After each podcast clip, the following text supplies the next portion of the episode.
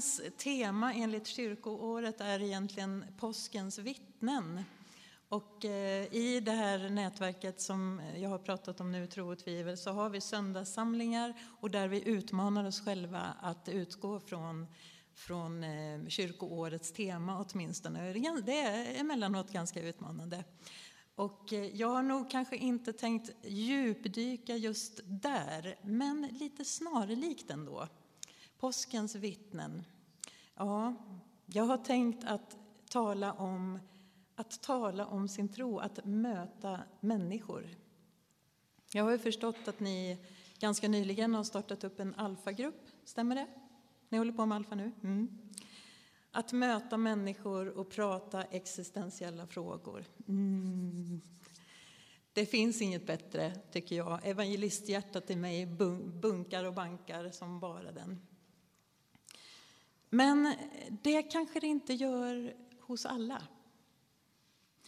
Jag minns nämligen själv hur jag själv kände när jag var 13 år och var iväg på olika kristna läger som jag älskade verkligen. Men det fanns lite av ett, en kollektiv förväntan att vi alla skulle gå runt i staden eller samhället och knacka dörr, som det hette. Helt enkelt knacka på hos random människor och berätta om tro, min tro och bjuda in till kyrkan.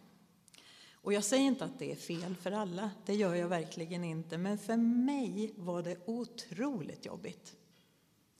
Det, var, det kändes som att jag trängde mig på eh, hos någon som liksom inte bett om det. Och eh, så fanns det ett litet element av rädsla. Tänk om någon frågar något som jag inte kan svara på. Jag kan ju inte så mycket om Bibeln. Och så kom dessutom ett dåligt samvete krypande som ett brev på posten för att jag inte var en bättre kristen och inte läst mer bibel. Det där var ju länge sedan och ur en ung och blyg människas perspektiv. Men kanske sitter du här som i någon mån känner igen dig. Som faktiskt tycker att hela den där evangelisationstanken är ganska jobbig. Eller? så är du precis tvärtom och bara älskar att prata om din tro med alla människor. Att det är det bästa som finns. Ja, vi skulle kunna prata om två ytterligheter här. Att antingen vara så rädd för att lägga sig i andra människors liv att vi helt tystnar och i det nästan utplånar vilka vi är, vilka vi själva är och vad vi tror på i rädsla att inte tränga oss på eller stöta oss med andra människor.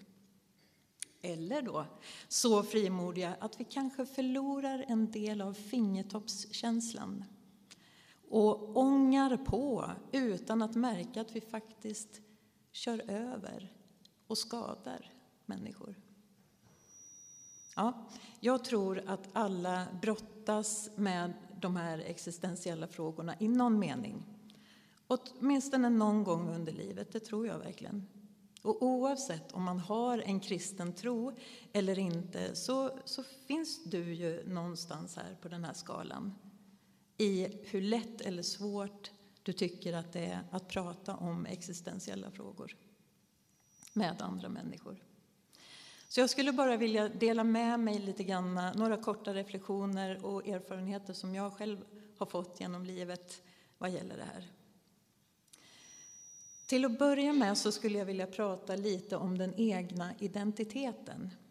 Synen på mig själv som jag bär med mig in i mötet med alla människor. I alla möten bär jag med mig min egen självbild.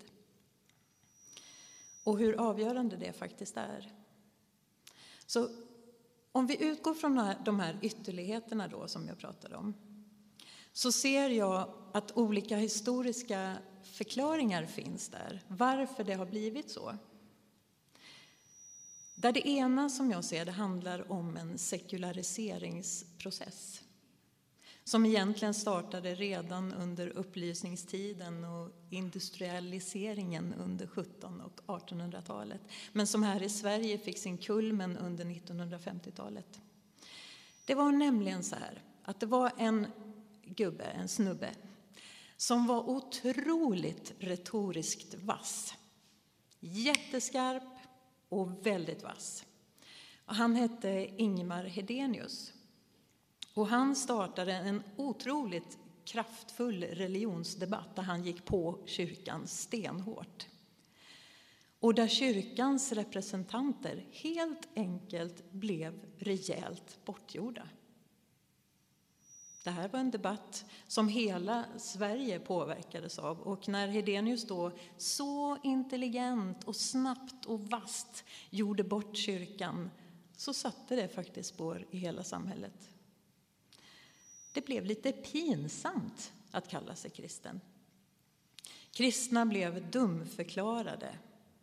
Och det här, vid sidan av vissa andra faktorer, tror jag faktiskt har hängt kvar i många kristnas självbild och identitet. Även om samhället i stort har förändrats jättemycket i sin inställning kring just det här med andliga frågor och andlighet, så finns det kvar där. Det finns ju en mycket större öppenhet nu egentligen för andliga frågor. Och ehm,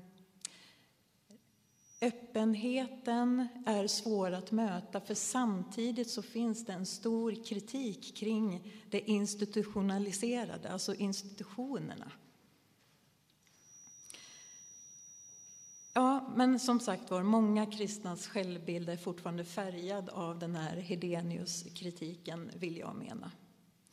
Och många tycker att det är lite pinsamt att kalla sig kristen. En motsats till vetenskap och sunt förnuft. Tror bli, tro blir då någonting jag håller för mig själv. Och rösterna tystnar. Det andra diket då? Där finns det en tendens att köra över människor istället. Eh, det tror jag grundar sig i en historik där vissa falanger av kristendom anammat en vi och dom-inställning. Alltså där kristna ser sig själva som finnare och alla andra utanför kyrkans väggar som sökare. Och I det här så tenderar en överlägsen tvärsäkerhet att odlas. Där kristna helt enkelt slutar lyssna på andra för vi har ju redan funnit. Och min uppgift som kristen blir då att upplysa och övertyga andra att jag har rätt och du har fel. Och jag har ingenting att lära av dig. De här tendenserna ligger ju nära fördömelse och har skadat så många människor. Och tyvärr är det många av dem som vi möter i tro och tvivel. Jag identifierar mig ju väldigt starkt och tydligt som kristen. Kristus är helt avgörande i mitt liv. Och på det sättet så är ju jag en finnare i allra högsta grad. Men det vore ju lite förmätet av mig att påstå att jag har funnit hela sanningen och att jag inte har någonting att lära av någon som inte känner Jesus. Nej, jag skulle snarare säga att jag i Jesus har funnit en väg, en kärlekens väg, som jag trevar mig fram på, men som jag tror leder mig till sanningen. Och till den vägen kan jag frimodigt bjuda in andra som är nyfikna. Och så kan vi treva fram tillsammans. Jag tror alltså att istället för att identifiera oss själva som enbart finnare och andra som enbart sökare så har vi så mycket att vinna på att ödmjukt identifiera oss själva och andra som både sökare och finnare samtidigt. Som kyrkofadern Augustinus sa, lyssna på det här. Vi fortsätter söka honom vi redan funnit. Vi fortsätter söka honom vi redan funnit. Sökare och finnare. Och det här betyder inte att jag måste bli luddig och mindre tydlig med min tro på Jesus. Min erfarenhet är att jag kan vara hur tydlig som helst om jag samtidigt visar respekt för den jag möter och är ödmjuk inför att det handlar om tro. Hur övertygad jag än är så är det en tro. Och jag kan parallellt med att berätta om min egen tro och, och min egen resa i tro också nyfiket fråga om din. Jag kan hålla fast vid det jag har funnit och samtidigt vara öppen inför vad andra har funnit. Det finns ingen hotbild i det som jag ser det. Ja, de här båda ytterligheterna blir ju sällan bra. Det är de här dikena som alltid är så svåra. Jag har en tendens att alltid hamna i diken och det enda gången jag känner att jag är i balans det är på väg från det ena diket till det andra. Där, där. Det är inte lätt, men jag tror att vi har så mycket att vinna på att reflektera över det här. Ja, den historiska bakgrunden tror jag också kan vara bra att känna till för att eventuellt kunna igenkänna det hos oss själva på olika sätt. Men hur gör vi då? Ja, hur gör vi? Hur möter vi människor och hur kan vi prata om tro på ett naturligt sätt? Ja, hur gjorde Jesus? Det är ju en ganska bra startfråga. Alltså, i Bibeln finns det ju hur många berättelser som helst som berättar om och beskriver hur Jesus mötte andra människor på olika sätt. Han var med de utsatta, de sjuka, med mördare, svindlare, religiösa ledare, kvinnor, barn, ja alla varianter, alla sorter. Och jag hinner inte gå igenom alla dem såklart. Men jag har faktiskt valt ut en text som jag tycker säger så mycket om hur Jesus mötte människor. Och det är från Johannes 4, som också talar om ett levande vatten. Där Jesus möter en kvinna vid en brunn, vid Sykars brunn.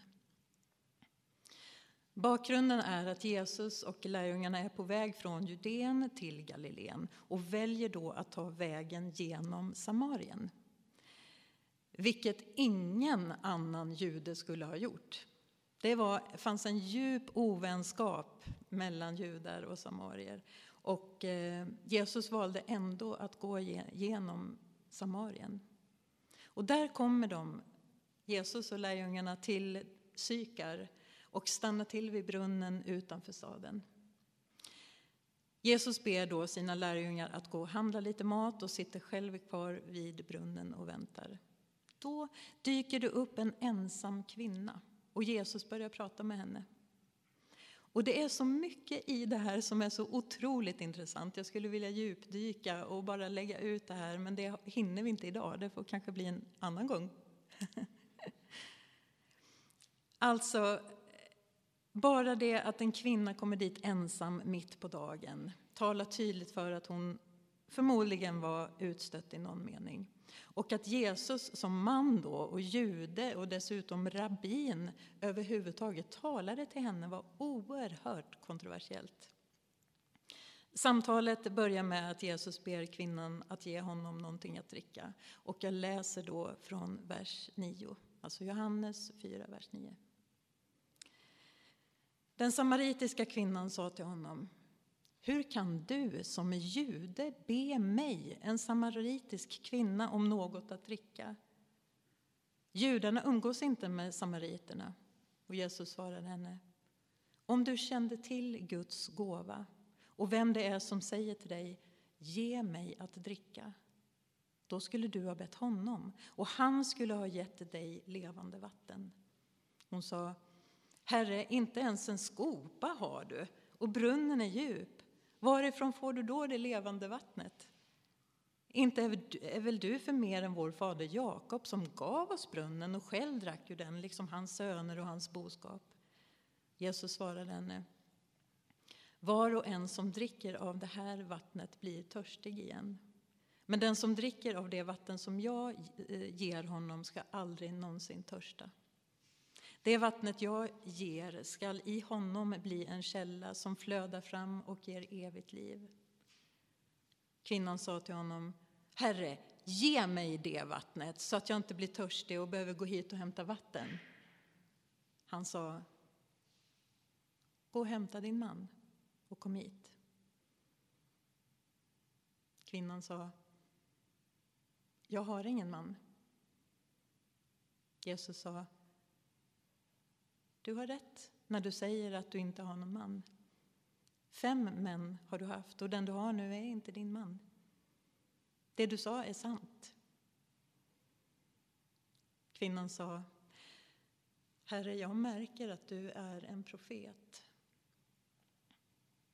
Samtalet fortsätter där Jesus möter upp kvinnan i det hon frågar om och där hon är. Och det slutar med att kvinnan säger jag vet att Messias ska komma, han som kallas Kristus.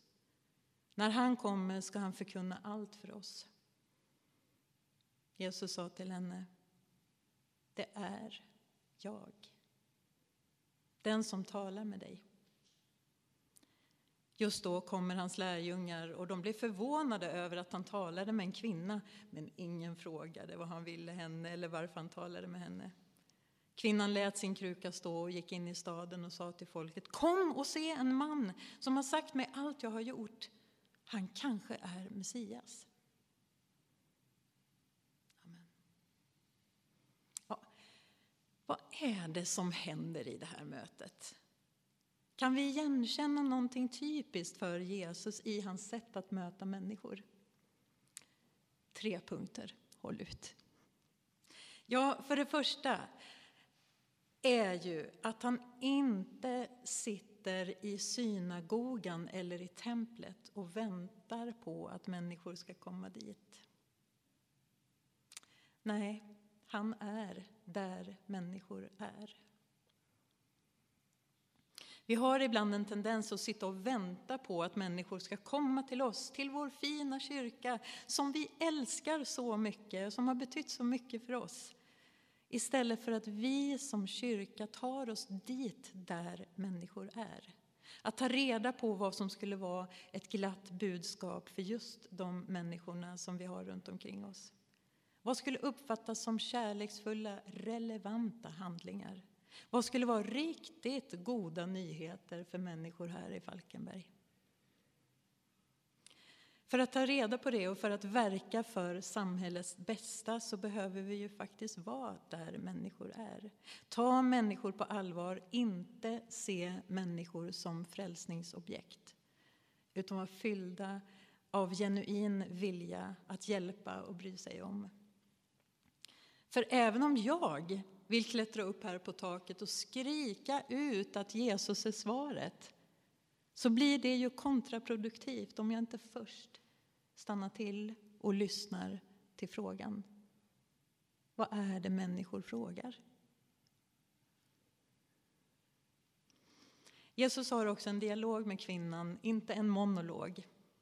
Han talar och lyssnar och talar och lyssnar. Han ger henne heller inte hela frälsningsberättelsen med en gång utan möter henne just där hon är. Inte bara på hennes fysiska hemmaplan utan också där hon är med sina existentiella frågor. Samtalar utifrån det som är relevant för henne just då. Börja där, för att sen följa henne vidare.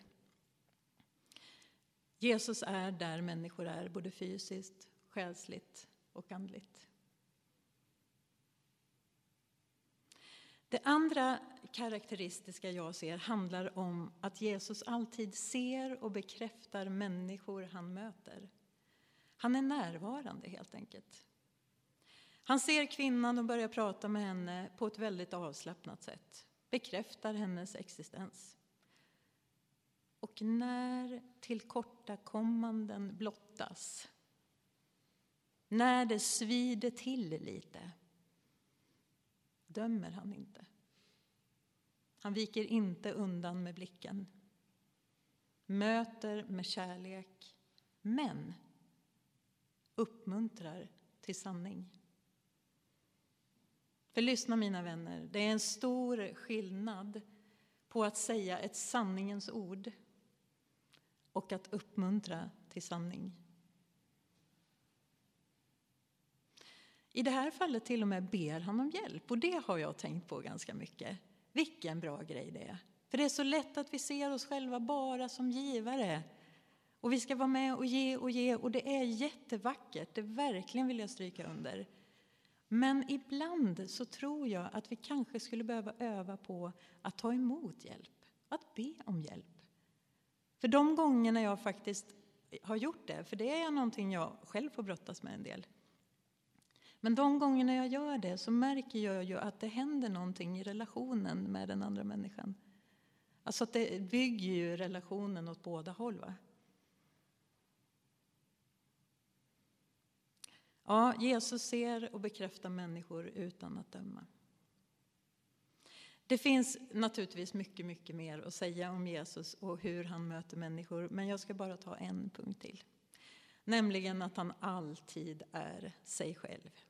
Han beter sig inte på olika sätt beroende på vem man möter och han är helt orädd för vad andra ska tycka om honom. Han bryr sig till exempel inte om att lärjungarna tycker det är väldigt konstigt att han pratar med den där okända kvinnan. Att vara genuin och äkta i sig själv, både med dina övertygelser men också med dina frågor. Det tror jag skapar den allra bästa grunden för äkta möten. Det är okej okay att inte ha alla svar. Vi får erkänna det. Lärjungarna var ju ett bra vilset gäng som verkligen inte hade koll på läget alla gånger. Men de höll sig nära Jesus. Och där, i hans närhet, har du också en plats som är reserverad för dig. Jesus längtar efter dig. Precis som han längtar efter varenda människa. Så var inte rädd. Alla du möter, både här och överallt, bär på samma vilsenhet som du. I någon mening, oavsett hur tvärsäkert det kan låta. Och alla är precis lika efterlängtade och älskade som du.